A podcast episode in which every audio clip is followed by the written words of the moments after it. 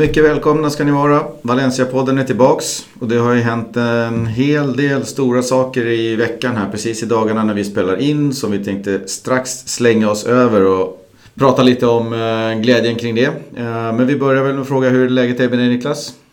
Ja, det blev ju plötsligt eh, strålande igen. Det var ju en jäkla tråkig helg med allt vad det innebär. Förlust mot Espanyol och allting sånt här. Och sämsta tänkbara start på ve veckan där. Eh, sen så vände ju allting på något sätt eh, och någon timme igår när helt plötsligt eh, Gonzalo Guedes äntligen blev klar. Så att nu, nu, nu, känns det ändå väldigt hoppfullt och att man verkligen ser fram emot att eh, se Valencia spela igen och liksom ta revansch för det här bottennappet. Ja, det tar ju lite, suddar ju bort lite grann där. Man, man glömmer ju bort hur dåligt det såg ut och, och känner ju en enorm glädje över Guedes. Vi tänkte kika på det. Sen tänkte vi faktiskt prata lite om Espanyol-matchen. Eh, vi har lite andra nyheter och vi rundar av som vanligt med att titta fram mot eh, brödernas derby, Levante-Valencia på söndag. Men Guedes är alltså klar. Valencia fick det man ville. Alemani och Marcelino fick det de ville. Äntligen får man väl ändå säga efter klubbens, eh, klubbhistoriens längsta och mest eh, långdragna förhandlingar. Vad säger du? Ja, nej men man får ju ge en, eh, liksom en stor eloge. Peter Lim har väl liksom fått sin beskärda del av kritiken genom åren från många, många håll i Valencia och även kanske från, från vår, vårt om man säger så.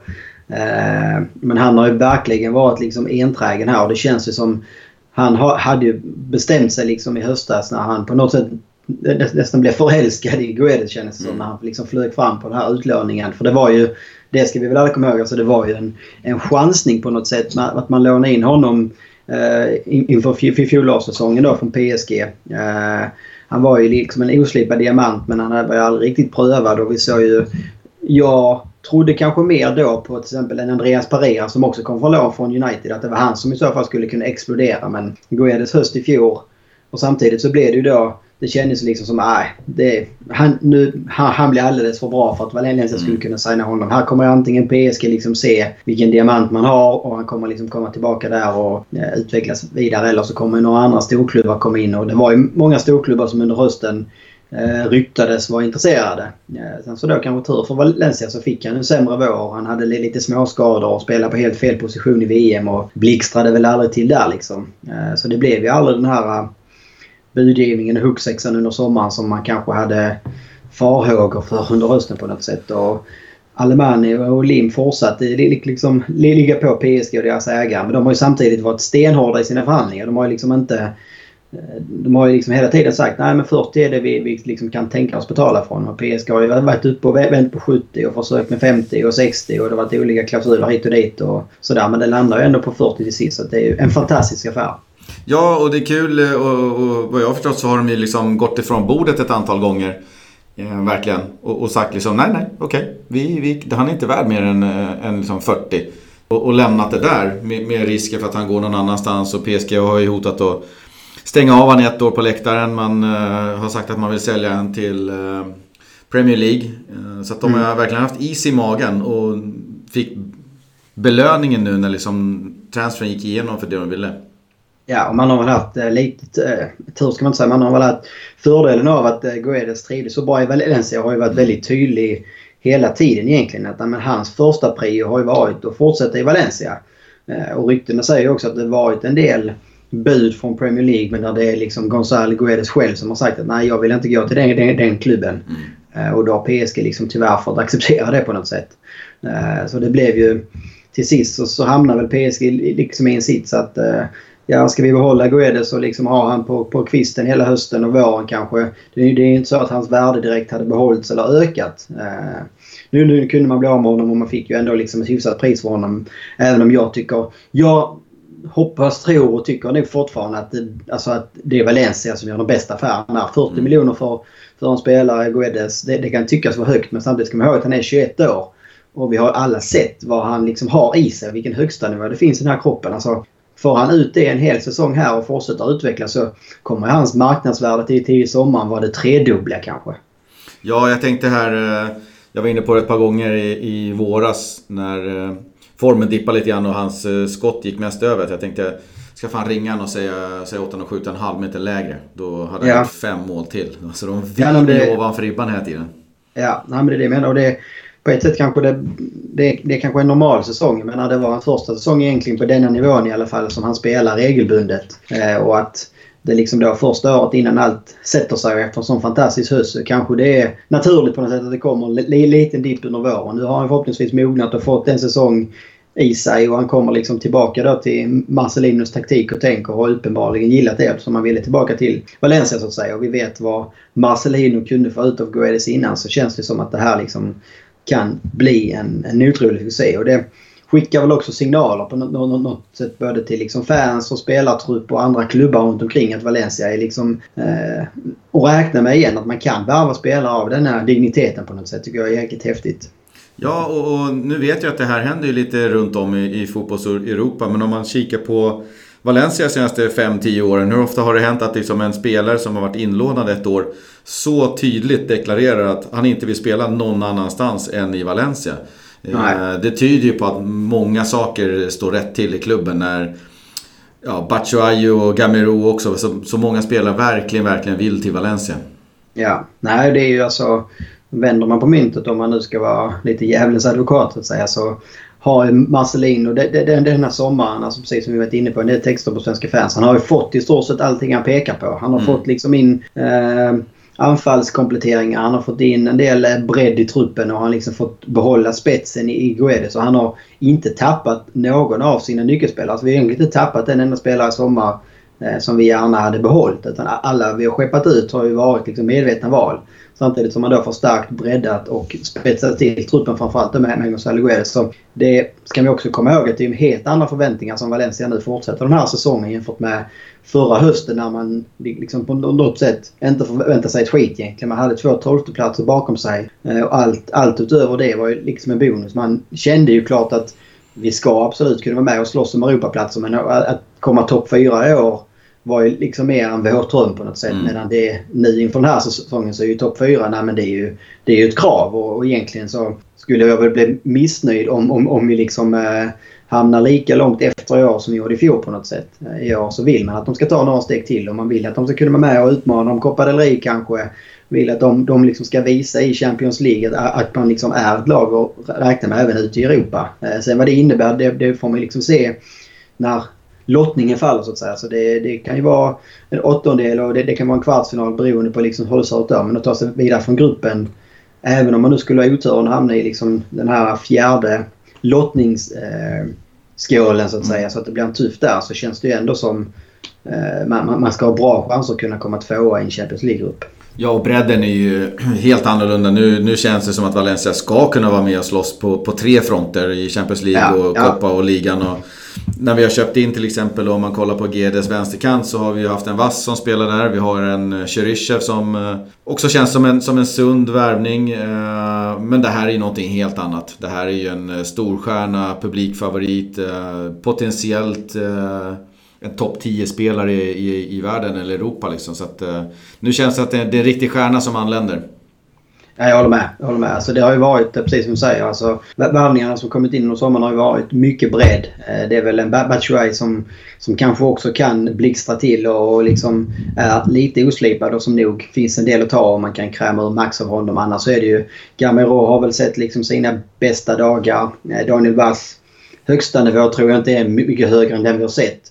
Det är ju liksom en bra truppspelare men det är ju ingen som kommer liksom blixtra till och avgöra no någonting på egen hand. Om man säger. Så det, det är väl det som är det enda liksom här om man kan känna ibland att man liksom fan, nu, nu, nu kommer det plötsligt förväntningar mm. på laget och på liksom utifrån och så här. Och, um, ja, det är väl, det är väl försvars, försvarsspelet kanske då som man, man liksom hade önskat att man hade fått in. För jag menar framåt sett har man otroligt bra. Alltså mittfält och anfall. Både de här sex som kommer starta och egentligen en, en på varje position där bakom ser väldigt, väldigt eh, spännande ut. Medan då backlinjen ser lite tunnare ut kanske och där man liksom saknar den riktiga spetsen.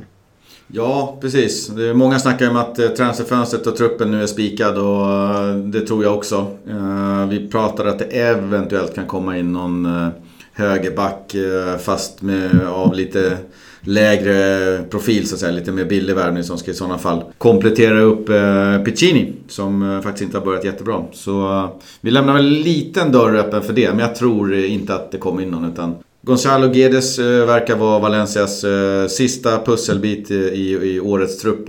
Har vi hört någonting om hur kontraktet ser ut? Nej, hans personliga kontrakt har väl faktiskt inte skrivits någonting alls om utan det har varit fokus på att han dels blir klar och att det liksom var en permanent deal för det har också varit en stor följetong om det skulle bli ett lån igen med någon utköpsklausul eller hur det skulle se ut. Men det blir ett permanent vanligt köp så att säga 40 miljoner och då med upp till 10 miljoner tror jag som kan i olika klausuler som kan då falla ut beroende på ja, en mängd olika grejer där det heller inte kommit ut detaljer vad jag har sett i alla fall. Men Antagligen lång... Champions League-avancemang och ja, ligaguld ja. eller någonting annat då. Framgångar Precis. ekonomiskt för Valencia. Ja, men det kanske är någon slags eh, utköps... Eh, eller vidareförsäljningsklausuler också att man ska ha någon miljon av det. Jag vet inte. Eh, men, de har i alla fall inte den här återköpsrättsklausulen. Nej, nej, precis. Det var konstigt. Jag trodde de skulle, jag var ganska säker på att de skulle förhandla in det. Att eh, om Valencia ska sälja honom så i alla fall ett PSG har första tjing och kunna mm. vara med och matcha budet. Men det... men det hade de ju haft hela vägen in. Om jag förstod det så var det liksom sista timmarna hade ju Lim och de förhandlat bort den och sagt att det här är vårt sista bud. Nu skriver ni på liksom. Och då, det var den sista grejen de i stort sett hade plockat bort den här återköpsklausulen. Ja. Ja, nej, det känns ju positivt. För ibland så har det ju varit snack om att det skulle vara en återköpsklausul för samma summa. Så säg att Guedes liksom blixtrar till två säsonger här i Valencia och blir den här världsspelaren som han kan bli. Då skulle kanske Valencia då vara tvungna att sälja honom för 40 miljoner till PSG. Eh, det hade ju varit ganska så förnedrande på något sätt.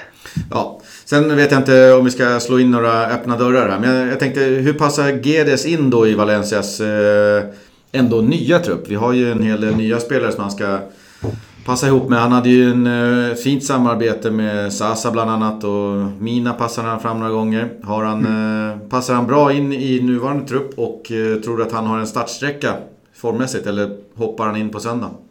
Jag skulle säga att han passar perfekt i det lagbygget. Alltså det är precis den spelare som jag tycker Valencia saknar och som jag också tycker man har sett i båda de två inledningarna. Att man har ingen riktigt tydlig ytter. Alltså någon mm. offensiv ytter. Vi har Ferran Torres men han, han är lite för valpig än så länge och håller kanske inte från start att kunna vara liksom den här bärande spelaren. Och då Daniel Vass och Carlos Soler de är inga riktiga yttrar i den meningen på något sätt. Utan de är de här yttrarna som, som vill trampa in. De är väldigt säkra, bra passningsspel och de har liksom en bra fot. Men det är inte yttern som med fart liksom utmanar sin back hela tiden och är ett hot på något sätt. Ingen av dem har ju samma speed eller ens i närheten av samma speed med och utan boll som Gedesson. Nej, så att det blir liksom ett hot både i, i de här spelvändningarna som Valencia var oerhört skickliga på under förra hösten. Eh, där man liksom då, när, när Guedes satte fart på kanten och, och Rodrigo Sasa eller Sinina liksom på anfallet eh, eh, kunde iscensätta otroligt fina spelvändningar som också på något sätt har varit lite av Valencias signum. Om man kollar tillbaka på tiderna när Valencia liksom var framgångsrik och tog sina titlar. Då hade man ju eh, fina yttrar och anfallare som liksom var extremt bra på det här med tätt försvar, ligga lågt och sen ställde man om blixtsnabbt. Liksom, ofta längs kanterna. Och så var det att yttern gick in och gjorde mål eller så var det liksom ett fint inspel och så var det mål på det sättet. Så Gonzalo Guedes är ju alltså verkligen den här sista viktiga pusselbiten. Alltså utan Guedes så känns det som Valencia fortfarande det är liksom en väldigt homogen och stabil trupp. Men det här blir ju den här sista lilla spetsbiten som liksom eh, jag tror kommer, kommer kunna bli avgörande i många matcher. Det såg vi ju när Guedes var i form under hösten. Alltså han var ju involverad i oerhört många aktioner offensivt. Antingen så gjorde han mål eller så spelade han fram eller så var han med på något sätt i uppbyggnadsspelet. Så, och startsträcka eller rakt in det är väl alltså svårt att veta. Man har ju inte riktigt sett hur mycket han har varit med i PSGs första säsong här. Eh, men precis som vi pratade om Cherchev innan att han hade haft Guedes och varit i Valencia så är det ännu mer för Guedes som liksom fanns i Valencia förra säsongen. Så på det sättet är det ju inte så att han ska lära sig Marcelinos tänk eller lära känna lagkamrater och så här. Utan där tror jag att så fort han liksom är fysiskt eh, fit, om man säger så, eh, så kommer han gå rakt in. Och jag skulle inte bli alls förvånad om han startar redan på söndag faktiskt. Nej. Framförallt efter förlusten sist, att säga. Nej, jag håller med fullt ut såklart. Eh, det är väl ingen som tvivlar på att Guedes passar in i Valencias trupp, eller startelva. Eh, det som går att lägga till där är att känslan är att det här eh, kontringsspelet då, som, som var ganska effektivt i höstas, där man lägger en första spelare, Kondogbia eller Parejo, eller någon av backarna, lägger direkt en diagonalboll framåt. 20-30 meter. Eh, och så sätter en, eh, en, en kontring igång då där Gedes till exempel driver bollen uppåt i ett oerhört tempo. det där hotet har vi inte riktigt haft känner jag i de två första matcherna. Svårt att ha mot Atletico, men, men det går såklart att göra det. Mot Espanyol, eh, obefintligt. Eh, Mina är inte den spelaren. Rodrigo skulle kunna vara det. Men där känner jag att Gedes passar perfekt in i just den fotbollen. Och när han fortsätter hota på sin kant så öppnar det ju även upp Solers kant i och med att uh, det andra laget måste kanske överbelasta lite för att hålla, hålla Gedes i schack. Så jag tror att uh, det här kommer gynna Soler på, på högerkanten också. Ja, och även uh, Rodrigo skulle jag tro. Alltså nu har det ja. blivit, precis som du är inne på, alltså, i samma tankebana på något sätt så blir det ju liksom, ju fler hot som Valencia har desto fler spelare behöver försvara och hålla koll på. Nu har det blivit Rodrigo blivit mer isolerad kanske framförallt. Det är och Vass och Solera inte är samma hot på något sätt så kan man ju ytterbackarna komma in och centrera på ett helt annat sätt. När det kommer en Guedes på kanten så behöver både ytterbacken och den ena mittbacken understöd där. Och det öppnar också upp ytor för anfallarna centralt på något sätt. Så bara hans eh, närvaro på planen tror jag kommer liksom ge Valencia betydligt mer eh, alternativ på något sätt.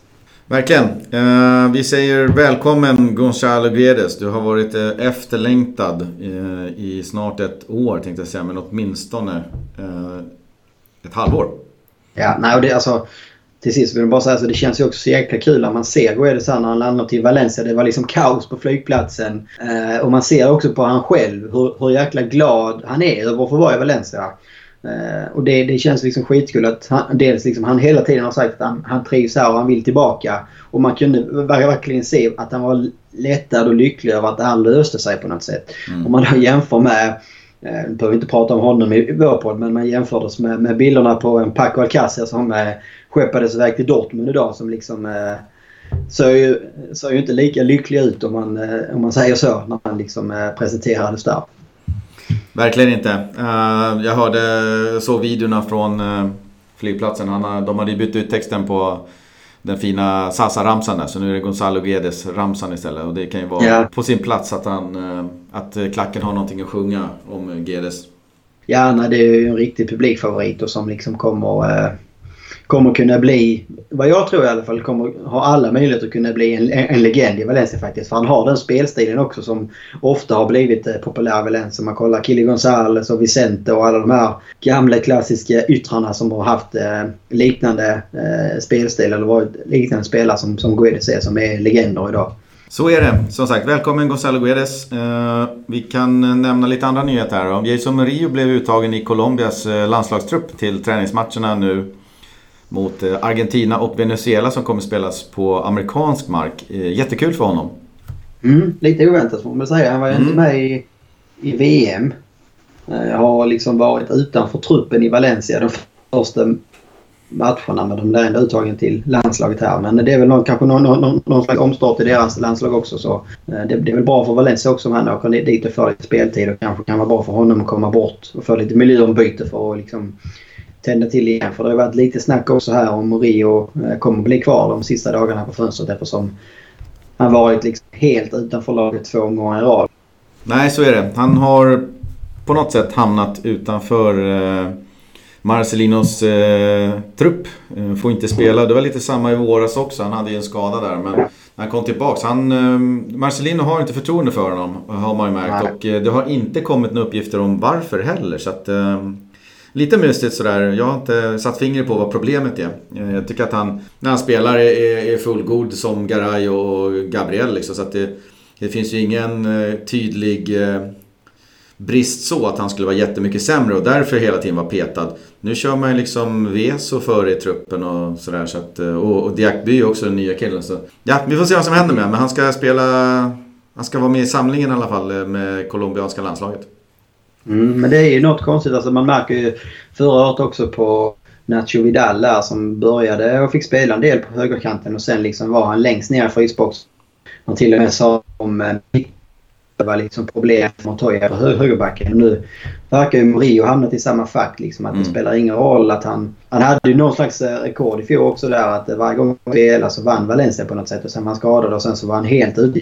Så det, det måste vara någonting som liksom har hänt. Eller den, om det är hans inställning eller vad Marcelino tycker att han liksom inte hanterar det här på ett bra sätt med att inte vara eh, given. På, jag vet inte men det, det känns ju som det har varit ett tydligt ställningstagande att Mourinho är liksom knappt eh, ens tredje mittbacksalternativ i Valencia utan kanske fjärde alternativet. Ja, exakt. Så har det sett ut. Sen så har vi eh, nästa nyhet är att önskemålen har ju kommit från, jag tror både Valencia och Levante, att flytta helgens derby på El Ciutat till lite senare. Speltiden är nu satt till klockan 12 på dagen och det är väldigt ovanligt i Spanien så här års. Man brukar ju köra de matcherna på vinterhalvåret för då är det lite sol och skönt mitt på dagen. Men nu kommer det ju vara uppemot 30 grader. Eh, men det räcker tydligen inte för att eh, La Liga ska flytta den speltiden. Utan man har sagt att den ligger kvar i och med att prognoserna pekar på knappa 30, 29-30 då. Däremot flyttar man ju Sevilla Real här, eh, om det var nu i helgen eller första omgången, till lite senare, till kvart över 10. Men då var temperaturen uppe på 36, så att det blev varmt på söndag. Ja, nej det är väl konstigt. Det brukar ju vara, nu är det väl precis i att augusti blir september så att säga. Det är väl det som också gör, för det brukar vara omgångarna här inte spelas på dagen. Det har vi sett både om 1 och 2 så har väl de flesta omgångarna legat efter 6 på kvällen för att det liksom inte ska vara allt för varmt. Eh, och 12 på dagen har väl liksom aldrig varit särskilt poppis i Spanien heller. Det är ganska tidigt för dem. Eh, framförallt spanjorerna. Eh, så det är tråkigt att man då lägger ett derby också som liksom där det kommer att vara en hel del uppladdning innan och så här att, att det ligger, ligger så pass tidigt. Det är väl positivt är väl att det inte är så lång resa så att säga så bortafansen hinner dit ändå. Men Ja, absolut. Och jag såg idag att eh, hela Valencias eh, bortasession, den är ju inte gigantisk där i, i ena hörnet. Den sålde slut på studs. Så att det blir en eh, fullsatt bortaläktare. Ja, nej, men det, det ska det väl kunna vara i de här derbyna. Ja, absolut. Sen fick vi in en fråga här i veckan eh, kring Coquelins status. Och vi kan väl säga som så att han är tillbaka sedan några veckor på gräs. Han eh, rullar och passar lite bollar och kör lite fysiska övningar på gräsmattan. Eh, deltar i träningarna lite så med laget med uppvärmningsövningar. Han går däremot inte för fullt i närkontakt och, och kampövningar och eh, tvåmålsspel och sånt där. Det är sagt att eh, klubbläkaren har sagt att eh, han ska vara helt frisk och då uttagningsbar är förhoppningarna i månadsskiftet eh, september-oktober. Så att eh, om en månad så bör vi kunna ha Coquelin med i truppen igen. Ja, det är häftigt. Han gjorde ett intryck som eh, hette dugan när han kom. Ja, verkligen. Eh, liksom vi, vi trodde ju där att det kändes när han kom på något sätt. Men vad ska vi med han till? Vi hade liksom Parejo Kondogbia som hade varit strålande. Och visst kunde man, man liksom förstå att man behövde ha lite, bredd och avlasta där. Men man, man, man, man trodde ju kanske inte att det skulle komma in i Coquelin och verkligen utmana både Kondogbia och Parejo liksom om startplatserna. Han var ju mm. strålande här under våren så länge han fick vara skadefri. Så det är ett välkommet eh, att han börjar närma sig och vara spelklar igen. Ja, och, och någonting som, som jag nämnde då i våras här när han kom in eh, som imponerade på mig var ju hans eh, oerhörda tävlingsinstinkt, eh, insats och hela hans eh, uppsyn på planen där han gav verkligen 110% hela tiden och verkar liksom kräva detsamma av lagkamraterna. Eh, lite likt eh, Rodrigo på det sättet. Så att, väldigt välkommet tillskott. Det är nästan som ett nyförvärv också nu när han kommer tillbaks. Ja, det blev det. Han kom väl in här under vinterfönstret och eh, han ju spelade där någon månad innan han eh, drog hälsenan. Så att, eh, det känns som vi liksom är väl rustade på innermittfältet när vi får honom tillbaka i fullgod form. Så är det. Vi avslutar väl med att eh, nämna Champions League-lottningen torsdag. Det kan ju vara så att ni lyssnar på det här efteråt. Då vet ni hur det gick. Eh, när vi spelar in det här på tisdag kväll så vet vi inte om Valencia hamnar i Lottoskål 3 eller Lottoskål 4. Så vi får väl hoppas att det blir skål 3 och att det blir en eh, bekväm lottning. Men håll ett öga på torsdag runt lunch skulle jag tro att det är. Så får vi se vad det blir för Champions League-höst. Ja, det blir väldigt spännande. Både liksom hur det, till att börja med vilken, vilken skål vi hamnar i och sen så är det ju alltid kul att se vilka lag man får. Om det kan bli någon spännande fotbollsresa höst kanske för att se någon eh, bortamatch i Champions League. Det kan alltid vara lite kul att passa på att se någon ny stad eller någonting. Tyvärr så blev det ju inga lag här uppe i Norden. Det, det hade ju varit ännu roligare om man hade haft ett, ett Malmö eller något eh, Köpenhamnslag eller något sånt där. Men eh, det närmaste är väl, är väl Tyskland antar jag. Ja, det har ju ryktats om eh att det ska anordnas en resa till någon av de tre hemmamatcherna. Som mm. jag tänkte försöka vara med på. Får se om det passar in i min kalender. Så vi får se. Håll ögonen öppna på det också. Ja, annars är det väl... Det brukar ju vara enkelt att ordna, om man får något London, då brukar det ju resmässigt vara ganska enkelt annars att styra ihop det med många och ganska billiga flyg dit. Sen så är det klart att det är väl alltid lurigt att få eh, kanske eh, biljetter till eh, ja, vilka det nu är. Det är väl, vilka Londonlag har vi i Champions League i år? Det är bara Chelsea och Tottenham va? Mm. Ja, de är kluriga. Vi får se om uh, den officiella skandinaviska supporterklubben kan anordna någonting på Mestalla. Ja, det är alltid roligast att komma till Mestalla. Så är det. Vi stänger igen nyheterna där och går vidare på Espanyol-matchen.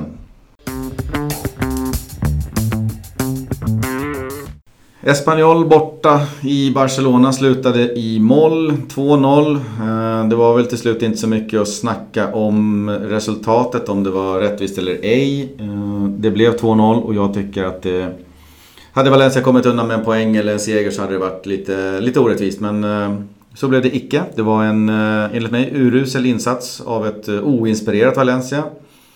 Som hade en bra första kvart, men sen kom man inte alls upp i nivå. Det var ju slarvigt, det var bolltapp och det kändes virrigt, inte minst i försvaret. Och jag skulle vilja skicka iväg en, eh, en godkänd, eller till och med bra, eh, betyg till Neto i målet som gjorde flertal svettiga räddningar. Eh, men i övrigt så underkänt nästan på de flesta. Ja, utan tvekan håller med. Man börjar ju ändå bra. Det kändes som liksom första kvarten, halvtimmen kanske så kändes som att nej, men det här ser liksom lovande ut och Espanyol såg inte sådär vassa ut. Sen vet fasen vad som händer. Det är liksom precis som Ja men det är en, kanske en sån här klassisk kollektiv kollaps om man säger så. För att det var Ja, det var verkligen alltså, över hela banan. Försvaret blev virrigt. Anfallsspelet, det fanns liksom inget ordnat anfallsspel. Och man tyckte liksom att eh, den anfallsbesättningen och mittfältet som Valencia ställde upp skulle man kunna skapa bra chanser mot ett Espanyol som i ärlighetens namn inte ser särskilt bra ut i år, tycker jag. Och det är också då att Valencia i stort sett har haft ganska enkelt eh, mot Espanyol de sista åren. Eh, men det, ja, nej, jag vet inte. Dani Parejo ser ut som han gjorde för två, tre år sedan där liksom allting går fel och han har ett kroppsspråk och en inställning som är som man vill börja gråta, vill jag på säga. Eh, det var ett par felpass nu också som jag... Jag har sagt det förut, att man irriterar sig kanske lite väl mycket på något felpass här och där, men det var för många det är så enkla misstag ja. liksom. Alltså det, det, är ju inte det att man försöker göra något svårt och det misslyckas. Utan det är de enkla tekniska grejerna. Där det, alltså man, liksom, man, man, vet ju. Det är inte så att de här spelarna har blivit värdelösa fotbollsspelare över några dagar. Utan man vet ju liksom att Ja, jag vet inte. Alltså det blir ju någon, någon, slags inställningsgrej och det är väl klart att alla kan ha en dålig dag men det är liksom, då måste man ändå se att man, att, att, att, man vill mer på något sätt. Att man visar då genom sitt kroppsspråk och sina löpningar och på något sätt i energin på något sätt att nej fan tekniskt sett så har vi en kast av men vi, det vi kan göra i alla fall det är att kämpa och kanske kriga till oss en eller eh, med lite flyt tre poäng. Men det, alltså det, det saknades ju också. Man fick liksom Marcelino försökte med byten i paus där men eh, fick ingen effekt alls. Det var, det var alltså väldigt, väldigt länge sedan man såg ett sånt här blekt Valencia. Och det är konstigt eftersom att man tyckte att det såg så pass bra ut i premiären. Alltså framförallt andra halvlek där vi stundtals spelar ut och trycker på mot ett bra Atletico Madrid så gav ju det liksom fina förhoppningar att man skulle kunna ta tre poäng här. Mm. Uh, och ja, det, alltså, man kan, det finns ju förluster och det finns förluster. Alltså det kan ju vara att Espanyol har en superdag och Valencia har otur kanske. Men här var det liksom ingenting att säga. Det var en helt rättvis förlust och det var liksom ett Eh, Eh, alltså det var nästan som man skämde ut sig eh, insatsmässigt. Verkligen. Eh, speciellt eh, skämmigt var det tycker jag att se eh, Piccinis insats på, eh, om det är 2-0 där va? När han, det kommer en ganska flack boll från högerkanten då, alltså Espanyols högerkant som man lägger in. Den studsar framför Piccini som är 2-3 meter närmare bollen än eh, anfallaren som sen gör mål. Eh, han låter den studsa. Och sen bara slinker anfallaren förbi, Piccini slutar spela. Han ställer sig bara och tittar och han vet vilket misstag han har gjort. Men han kämpar inte. Eh, han hade inte kunnat gjort någonting åt målet men, men ändå den inställningen och den aktionen, alltså det, det är hårresande. Det får inte hända. Nej, nej. jag håller med. Alltså det är dåligt gjort Men samtidigt tycker jag också att alltså för mig så det, hela den situationen det, det, det som det signalerar tycker jag nästan är ännu värre. Det är att det verkar ju vara noll kommunikation i backlinjen. Mm. Alltså, han ser ju... Piccini själv, han ska också ha koll på såklart vad han har bakom sig. Men samtidigt så kan ju inte han se... Han har inga ögon i nacken så att säga. Och där står en målvakt och där står tre backar som liksom ser hela planen ut. Ingen, i alla fall vad man kan se på bilderna, ropar eller säger någonting till, till honom. Att nu kommer det in en bakifrån eller någonting. Så det är ju, jag vet inte, alltså Piccini ska såklart ha den största sleven här men samtidigt så tycker jag att det, det, det är oroväckande hur liksom dålig kommunikation och dåligt samspelta och osynkade som hela, hela försvaret såg ut flera gånger. Det var liksom, det här blir ju blir på något sätt toppen på isberget och där det liksom blir, blir allra tydligast och där det då till sist också leder till ett mål såklart. Men det, eh, det var samma tendenser flera gånger om där liksom mittförsvaret och ytterbackarna och målvakt har noll kommunikation och där det känns otroligt virrigt och Eh, ja, jag vet inte. Det, vet inte riktigt, alltså det går inte riktigt att sätta fingret på att det var exakt det här eller det var han som hade en dålig dag. Utan det kändes allmänt som försvarsspelet var. Förhoppningsvis var det bara liksom en kollektiv kollaps där allting bara sket sig. Det här var kanske då säsongens eh, bottennapp. Att det kom i omgång två. Det får man kanske ta. Förra året så inledde man ju hösten strålande och hade väl 12 raka omgångar där utan förlust. Eh, och nu, nu, nu kom den redan i omgång två så nu, nu får man väl då bygga upp en, en liten segersvit efter det här. Men det, ja, det blir ju liksom... Pressen ökar ju också när man bara har en poäng av sex möjliga efter två omgångar då i, i en säsong där alla liksom räknar med och kräver att man ska vara med och kriga i toppen. Så nu, nu har man liksom inte råd till de här eh, snedstegen eller kryssen här framöver när man ställs mot då eh, beskedligare motstånd på något sätt.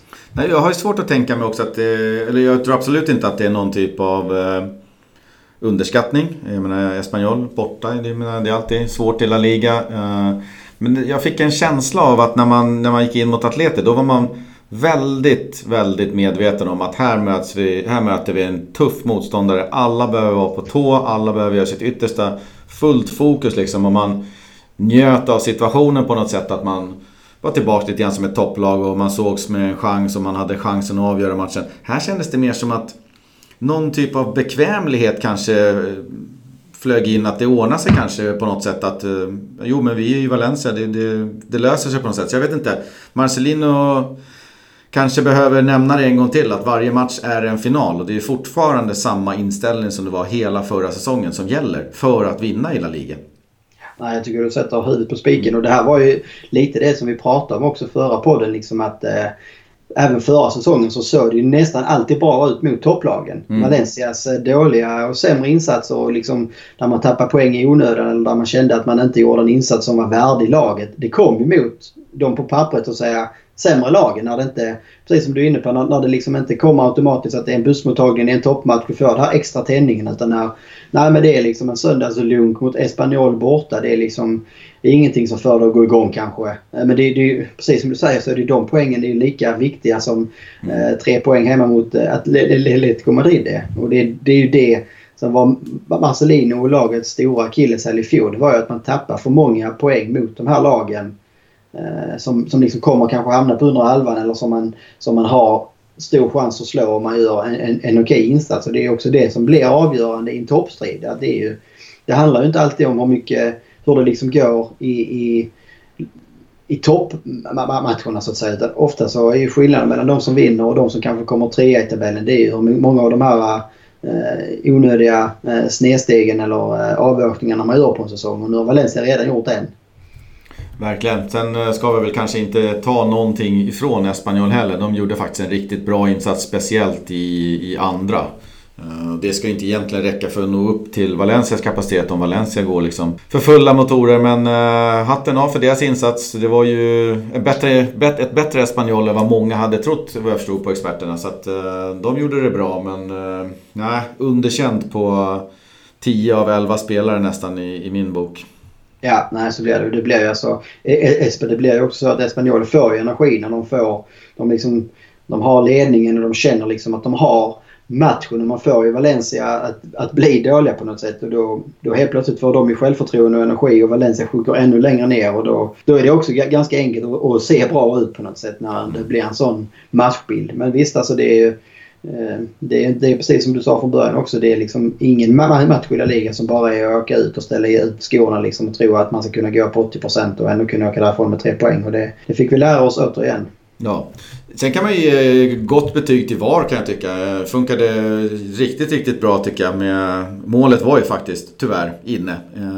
Men att det, det tog inte 10 minuter att lösa det utan håll liksom inkastet ett tag där och så gick det väl en 15-20 sekunder och sen kom domen att nej, det är mål. Eh, ja.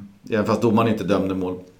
Nej, precis. Nej, det, det enda som var lite konstigt, jag vet, jag vet inte riktigt hur det blev här. Eh, det var ju en handsituation i första halvlek där Valencia skrek på straff mm. Eh, och det som aldrig blev VAR Nej, inte bara på det sättet. Jag tror att han fick uh, i örat Precis. tror jag. Att Precis, ganska snabbt. Ja. Han lät det gå i 10 sekunder och de sa liksom nej det ser inte ut som straff. Och de, de ska ju bara kliva in om det är uh, jättefel. Så att säga. Om, det, om han har gjort superfel. Om han har gjort en bedömning som, som kan vara liksom i häraden av rätt. Och, eller ja, hur man nu ska säga det. Rätt eller fel. Det, man dömer straff eller inte. Men här var det ju att den tar på handen är ju solklart. Mm. Det, men det är ju inte samma sak som straff som vi har varit inne på. Utan här är ju handen väldigt nära, man kan argumentera för vad som är eh, naturlig position för handen i den aktionen som han är, där han slänger sig. Eh, sen så kan man ju också argumentera för att bollen är på väg i mål, mot mål och hindras av handen. Så jag tror att de gjorde bedömningen om att han inte har gjort något jättemisstag och då får hans domslut på planen stå kvar. Och det kom de fram till rätt så snabbt. Ja, men det är väl det jag kan tycka är konstigt. Alltså på något sätt att, att, att man inte tycker att domaren bör åtminstone... Alltså, jag säger inte att det ska vara straff men jag tycker det är lite märkligt att alltså, i domarrummet så ser man ju tydligt att den tar på handen. Då kanske man ska säga det till domaren. Vi kan se att den tar på handen. Vår bedömning är nog ändå att det inte ska vara straff men kanske ska du se. Mm. Alltså det, det, de, det de kan säga är ju nej den tar inte på handen den tar på handen. Och då kanske domaren säger nej men tar den på handen så vill jag se det liksom mm. i, i repris när vi ändå har chansen. Så det är lite konstigt eh, att, inte, att, att, att, att, man inte tar den möjligheten. För jag menar, eh, nu som vi är inne på, alltså, så det är ju liksom en situation som om man skulle kolla, nu är det svårt för oss att kolla på det helt ofärgat eftersom det ändå liksom ligger där latent på något sätt. Men det är ju, man har ju läst en del på Twitter som menar att det är en solklar straff och det tycker jag absolut inte det är. Nej. Och jag tycker lika lite är det liksom solklart att det inte är straff. Alltså det, den, precis som du säger, den, den, den tar på handen. Det är liksom ingen medveten hand. Eh, det, är, ja, det är 50-50. Alltså, eller 4-5 domare kanske hade det liksom om man hade sett det på var blåstraff och 5-6 eh, kanske inte hade gjort det. Så att det, det, det är en del sådana får man och en del sådana får man inte. Eh, jag tycker det var enda jag liksom hade emot den situationen det var att man inte tog chansen att kolla på den på VAR när man liksom... Mm. Den, den uppenbart tar på handen. Då tycker jag också att domaren kan liksom ta den minuten eller någonting och dubbelkolla beslutet. Ja, vi får hoppas att de fortsätter trimma på VAR-systemet. Jag är eh, nog för det hela. Eh, men det som jag har haft emot VAR är de här konstanta spelavbrotten som ja. många lag vill ha till och som det var i VM. Och här tyckte jag att både Espanyols mål som var inne och eh, den här straffen om man nu tycker att det var okej att han inte dömde straff eller vad man nu tycker. Men det var smidigt. Det var inte ja, spelavbrott och sådana grejer. Så det gillade jag med, med VAR-delarna där. Precis, nej, det är väl det man har varit rädd för i Spanien också. Där att det hade kunnat bli väldigt överdrivet i Spanien. Och det ska vi väl liksom inte ropa hej att det inte kommer att bli än kanske. Men eh, eftersom det är mycket känslor i Spanien och det är liksom det här klassiska att de ropar, alltså spelarna skriker efter VAR och tycker att det ska vara VAR hela tiden. Som vi också såg i VM. Och det kanske då kanske ännu mer i spanska ligan där, där spelarna liksom gärna är på domaren. Och, så jag vet inte, nu har det inte varit ett problem. Skulle det vara ett problem så kanske man ska kolla på någonting som man, som man har tennisen med, med haka i. Att man har en del utmaningar på sig att göra. Eh, och sen när man har utnyttjat dem så är tyvärr chansen förbrukad. Ja, något sånt. Eh, vi får se vad VAR utvecklas till. Nu finns det nu på lite olika ställen så att eh, det blir nog bara bättre och bättre. Men nu glömmer ja. vi Espanyol tycker jag. Ja, nej, det är bara att dra ett streck över det och försöka lära sig vad det, vad det var som hände och se till och att, det inte, att det inte händer igen egentligen om man säger så. På söndag 12.00 är det då, som vi nämnt tidigare, dags för eh, derbyt i Valencia på El Ciutat. Levante Valencia. Eh, och om tre poäng var viktiga mot Espanyol så börjar det verkligen bli kritiskt nu. För att inte tappa mark i, i toppen. Och vilka nya ansikten skulle vi vilja se i startelva? Ja, det blir intressant. Alltså, precis. Nej, alltså, som vi inledde podden med så hade jag gärna sett eh, Guedes från start. Sen så kanske han inte är helt redo för 90 minuter men jag ser hellre honom från start här och få spela ihop sig med, med laget och liksom komma in i hetluften direkt. Och jag tror också att det, det är match som passar honom på något sätt och, och få en, en liten förändring också i startelvan. Mm. Uh, sen är det kanske, nu tyckte jag att uh, Santimini var väl också en av få ja, han, han, han, var inte bra mot Espanyol, det var han inte. Men han, jag tyckte inte heller att han var sämre än någon annan. Han var men bättre kanske, än mot Atletico tycker jag. Precis, det var det jag ville komma till. Ja. Men kanske, kanske det ändå kan vara dags att prova någon av de andra anfallarna liksom från start. Nu har de bara fått några inhopp och sådär. Och, uh, det här är ändå omgång tre och Santimina han har ju ändå fått chansen från start i två omgångar. Och inte varit superbra och inte gjort mål så att säga. Så vill man ha igång någon av de andra då de har också varit i träning med laget länge. Så jag hade ju gärna, det vill jag även inför Espanyol, att man provar någon annan i anfallet. Men nu kanske ännu mer här eftersom anfallsspelet inte riktigt kom igång. Och, eh, mot Espanyol så kanske det också är bättre att ha någon li, lite mer, eh, mindre hårdarbetande forward och mer liksom de här boxanfallarna på något sätt. Så en Batshuayi istället för Santimina kanske från start där uppe och Guedes på vänsterkanten. Annars är det ju lite så svårt. Alltså, mittbackarna, ja, var liksom, vi har ju Garay som har lite skadeproblem. Kanske en DXB eh, ska spela där istället. Eh, Gabriel har ju liksom varit Marcelinos eh, första val i, i, i mittbacken egentligen sen, sen i höstas. Eh, högerbacken finns inte så mycket alternativ. Det är ju, jag hoppas ju egentligen inte att eh, Marcelino liksom tar Piccini här och slänger han under bussen och utsätter honom liksom, eller utser honom till syndabock för förlusten mot Espanyol. För han gjorde ett tydligt misstag som vi var inne på innan men utöver mm. det är inte han sämre än någon annan. Så han behöver ju få fler chanser och liksom få också tid och möjlighet att växa in i laget. Eh, men det, det, det, kan ju vara att eh, Marcelino vill ha en annan typ av matchbild och kanske då vill ha en vers på högerbacken som, som är lite mer eh, spelbar även i det offensiva så att säga. Mm. Eh, annars så tror jag inte det kommer bli...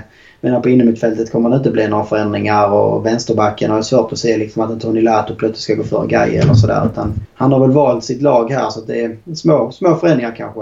Ja, det som oroar lite grann är att det kändes som att båda de tidigare motståndarna har ju i större utsträckning än tidigare koncentrerar sig lite grann på Gaias kant känns som att eh, det känns som att har, har de hittat någonting där? Han har inte varit så här jättelysande i någon av matcherna så att eh, ja, han får nog steppa upp sig. Sen, jag håller med om Piccini, jag menar Montoya var inte bättre bakåt än Piccini har varit och nu har han varit i klubben i två, tre veckor. Tre. Ja. Så han, han behöver få tid på sig och, och, börja försvara, lära sig försvarslinjen och börja försvara så som Marcelino vill. Eh, så jag håller nog med att in med en Gedes. Kan vi få en, en uh, scenförändring då från förra matchen? Lite frejdigare anfall och kanske få en 1-0, en 2-0 någonting. Då passar ju en uh, Vass mycket bättre att slänga in där för att täppa till matchen. Uh, lättare att göra det än att liksom försöka elda igång maskineriet med att ge Guedes 20 eller något sånt där. Så att jag hoppas också att han får spela. Sen hoppas jag verkligen att Batshuayo får spela. Nu gjorde inte han någon lysande insats mot Espanyol men jag tyckte han var väldigt företagsam Eh, Eh, mot Atletico. Det visade att han ändå, han ändå har kvaliteter, han hade avslut och sådär. Eh, Gamiro tyckte jag var väldigt osynlig mot Espanyol senast och gjorde mycket intetsägande inhopp där. Så att eh, jag trycker in Batshuayo och Gedes i den startelvan så fortsätter jag med Diakby och Gabriel bakåt. Ja, nej, jag håller med. Det känns som Batshuayo också är lite längre fram. Alltså det känns som Gamiro jag vet inte om han inte riktigt liksom är formmässigt helt där. För att det känns han känns betydligt mer vilsen och nästan ibland så känns det som att det är Vieto som är tillbaka på planen på något sätt. För han kan liksom vara helt osynlig. Mm. Uh, sen så har väl Gamero liksom kvaliteter som inte Vieto hade när, när chanserna väl dyker upp i straffområdet. Då har det inte riktigt... Han fick ju ett läge mot Atletico där, där han inte är så till avslutet. Men annars så tror jag att han är kanske mer den här boxspelaren som liksom ska ligga och hugga på lägena där inne när det väl kommer. Uh, och kanske också behöver tid på att spela in sig. Men Eh, jag tycker det är dags att eh, Batshuayi och Rodrigo får spela ihop här nu. nu. De har ju inte fått spela så mycket tillsammans heller. Mot Atletico så blev det ju en liten stund men sen när Gamero kom in så gick ju Rodrigo ner på kanten. Mm. Eh, och i lördags här mot Espanyol, eller söndag, så bytte ju Batshuayi av med Rodrigo. Så det hade varit kul att se de två tillsammans en lite längre tid för att se hur de funkar. Sen förstår jag till viss del, har ingen aning om, om det är samma anledning som Marcelino hade att spela Santemina. Men jag förstår också Santemina har gjort 10-12 baljer förra säsongen. Han, han har varit med hela försäsongen och han är en del av förra årets lag. Att man liksom inte tar in två nya och petar honom direkt. Utan man sänder en signal att du, du är en av oss, du får chansen här. Ja. Eh, så vidare. Så att, att, att, att, man spelar honom. Men nu känner jag att han har fått den chansen. Och att eh, ska man få en uh, Santemina att göra mål så får man ju ta ditt recept. Skicka in honom som inhoppare, supersub. Ja. Ja. no, det hänger, alltså, det hänger inte bara ihop heller med, i alla fall inte för mig, att jag tycker att han inte har, har levererat när han har fått chansen. Utan det är också för att få igång de andra. Alltså, menar, Batshuayi och Gamero är ju inte inköpta för att sitta på bänken hela tiden och bara göra korta inhopp. Utan eh, vill man få igång den här rotationen på anfallarna så behöver man ju ge alla anfallarna li lite längre speltid än bara en kvart, 20 minuter varje match. Och, så, och, och det är samma som startar. Och så var det ju i höstas också. Liksom. Då var det ju då var det ju ofta Rodrigo Sals som startade. Eh, och Mina som inhopparen så att säga. Men e-, e, efter ett tag så såg man att rulliansen gick igång. Att då var det Santimina som startade ibland och då var det Sasa som gjorde något inhopp eller tvärtom och sådär. Och det funkar väldigt bra då att hitta den där rotationen på, på anfallarna på något sätt. Och så länge de, de ändå får någon, någon speltid varje match. Om man liksom startar en och sen kanske man är på kvisten igen och bara spelar en kvart och sen startar man två och sen alltså. Eh, jag tror man ska hitta den rotationen för vi har så pass stark fyra där framme att, eh, att man liksom behöver ha ha igång alla. Och man, alltså för, för att kunna använda alla på bästa sätt så behöver man ju också ha att, att de är liksom i, i, i någorlunda form. Och det, mm. det, det blir man ju bara genom att få speltid. Och Gami Robac har ju som sagt eh, fått lite tid på sig nu i klubben. Och Mina ja. har ju en sån, den typen av eh, vinnarskalle och killerinstinkt att han, han kan ta en petning, det visar han hela förra säsongen. Och komma in glödhet och leverera som inhoppare som startspelare.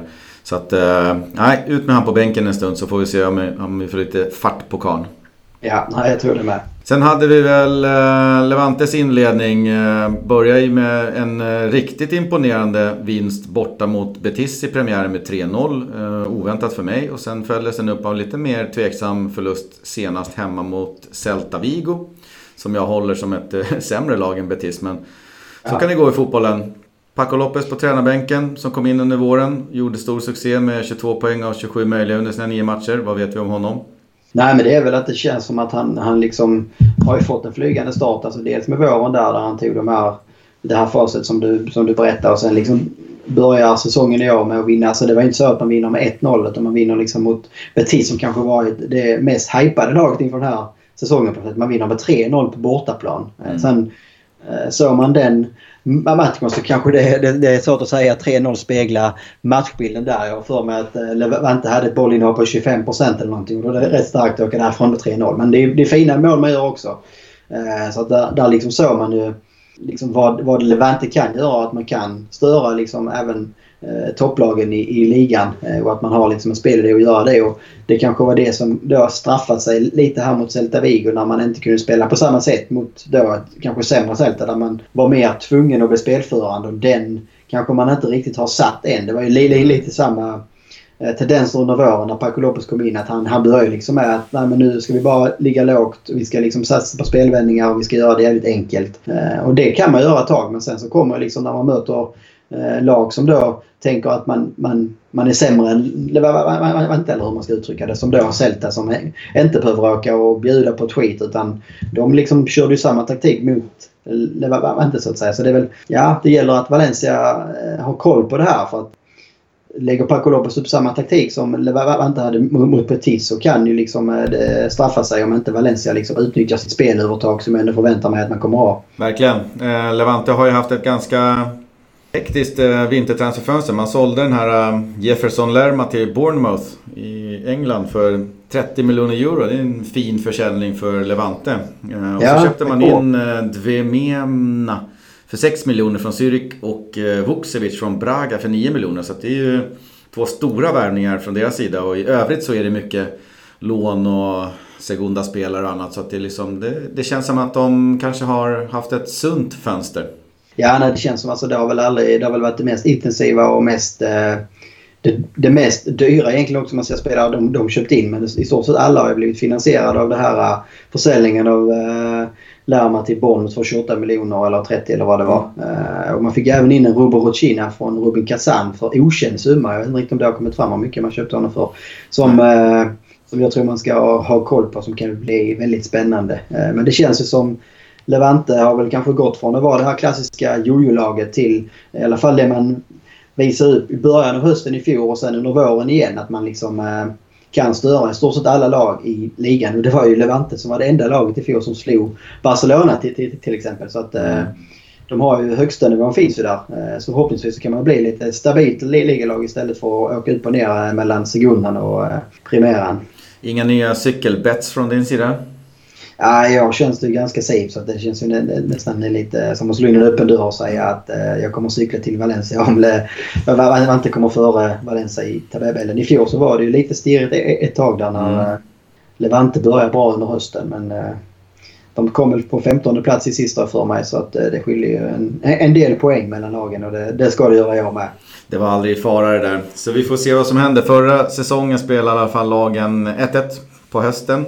Och Valencia vann sedan eh, vårmatchen i februari tror jag med 3-1. Så att, eh, det var väl tidigt på hösten man spelade i fjol också för mig. Så mm. det var väl, var det inte sen efter det här krysset eh, som Valencia sen radade upp sin, eh, sin segersvit. Mm, kommer ihåg, det var ju var lite bråk där med Sasa som inte ville hoppa in och sådär. Och sen så mm. svarade han då omgången efter med ett hattrick om jag inte minns fel. Och det blev startskottet på en lång segersvit. Så, eh, även om vi inte hoppas på 1-1 i helgen så kanske man kan hoppas på liknande utveckling efter, eh, efter derbyt så att säga. Att eh, Valencia hittar formen och går igång på alla eh, cylindrar.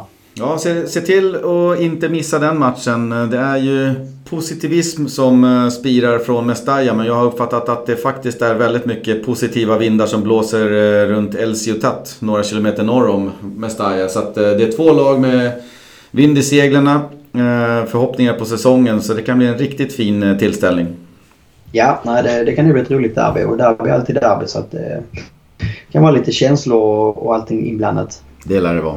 Sen så avslutar vi med förra årets tävling som eh, i år har börjat katastrofalt dåligt för alla. Scorecasten. Vi ja. hade ju, jag tippat 3-0 och Batman, han var inte nära. Och 3-0 var inte nära. Du klämde till med 4-0 och Rodrigo. Det var inte heller ja. så bra. Sen hade Nej, vi med oss ja. Eh, Lasse, 2-0 med Rodrigo och Victoria med 2-1 Santemina. Inga poäng alla, till någon. Alla var i alla fall positiva ur Valencias synpunkt. Eh. Så det var väl det var ändå skönt att det var ingen som fick poäng den här helgen när man förlorade med 2-0 och någon hade satt det resultatet. Då hade man kanske undrat vad det är för lyssnare vi har där ute. Nej, och det betyder ju också att eh, både du och jag är kvar på noll. Vi har eh, alla andra som eh, har varit med och tippat i första omgången och alla ni andra som inte än har varit med och tippat. Ni har också noll. Det är bara Lasse som har två poäng. Så släng in ett tips när ni hör detta avsnitt. Gå in på Facebook, Twitter eller Instagram och kommentera någonstans, släng in ditt tips. Eh, tävlingen går ut på att tippa rätt resultat, eh, eh, rätt tipstecken och Valencias första målskytt. Precis, nej men det, det är pop som vi, vi jagar här nu och vi får väl hoppas att de första poängen som vi kommer med i, i, i räkningen i alla fall kan komma här till helgen. Verkligen. Du får inleda. Eh, då säger jag 1-3. Det ska inte vara sådär över eh, hybris optimistiskt denna helgen. Mm -hmm. Vad har vi för målskyttar? Eller första målskytt? Ja, och jag vill ju säga Guedes men det är frågan om han startar. Jo, jag säger Guedes. Han kommer och liksom är uh, överhypad över att vara tillbaka och visa direkt liksom uh, vad han går för så att han, uh, han gör mål. Det skulle ju vara comebackernas comeback tänkte jag säga men ja. en fin entré till laget igen för Guedes. Ja, jag är lite mer eh, skeptisk här. Jag går på en 0-1. Så att det blir en seger åtminstone. Och den gode Rodrigo gör eh, första målet. Det låter väl inte helt omöjligt kanske. Även om det lät... Ja. Så är det. Eh, då ska vi börja runda av här. Eh, häng med oss lite grann på de sociala medierna som vi har nämnt. Har ni någon fråga kring Valencia matcher eller någonting som ni vill att vi ska ta upp i podden? Välkomna att kontakta oss på Facebook, Twitter, Instagram eller på valenciapodden at gmail.com. Så rundar vi väl av som vanligt med ett hasta luego. Hasta luego.